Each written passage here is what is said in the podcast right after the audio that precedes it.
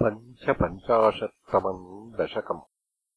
काळियमर्दनम्। अथवारिणिघोरतरम् फणिनम् प्रतिवारयितुम् कृतधिर्भगवन्।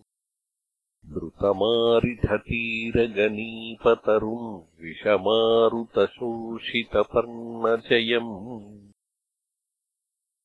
अधिरुह्यपदाम्बुरुहेण च तम् नवपल्लवतुल्यमनुज्ञरुचा।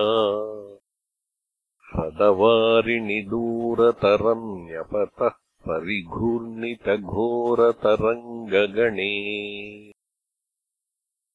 भुवनत्रयभारभृतो भवतो गुरुभारविकम्पि विजृम्भिजला परिमज्जयति स्म धनुष्यतकम् तटिनीझटिति स्फुटघोषवती। अथ दिक्षु विदिक्षु परिक्षुभितभ्रमितोदरवारिनिनादभरैः।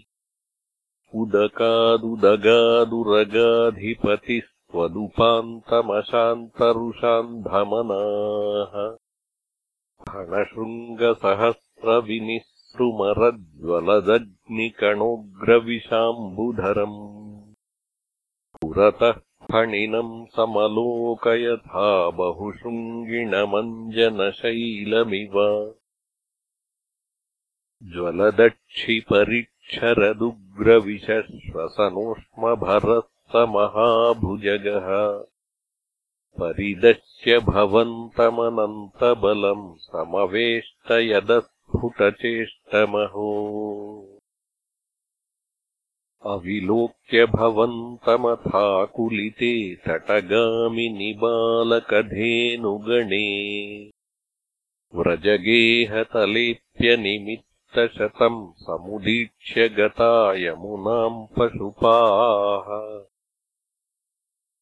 अखिलेषु विभो भवदीयदशामवलोक्यजिहासुषु जीवभरम् फणिबन्धनमाशु विमुच्य जवादुदगम्यतः सदृशा भवता। अधिरुह्य ततः फणिराजफणान् नृते भवता मृदुपादरुचा कलशिञ्जितनूपुरमञ्जुमिलत्करकङ्कणसङ्कुलसङ्क्वणितम् जहृषुः पशुपास्तु तुषुर्मुनयो ववृषुः कुसुमानि सुरेन्द्रगणाः। त्वयि नृत्यति मारुतगेहपते परिपाहि स माम् त्वमदान्तगदात्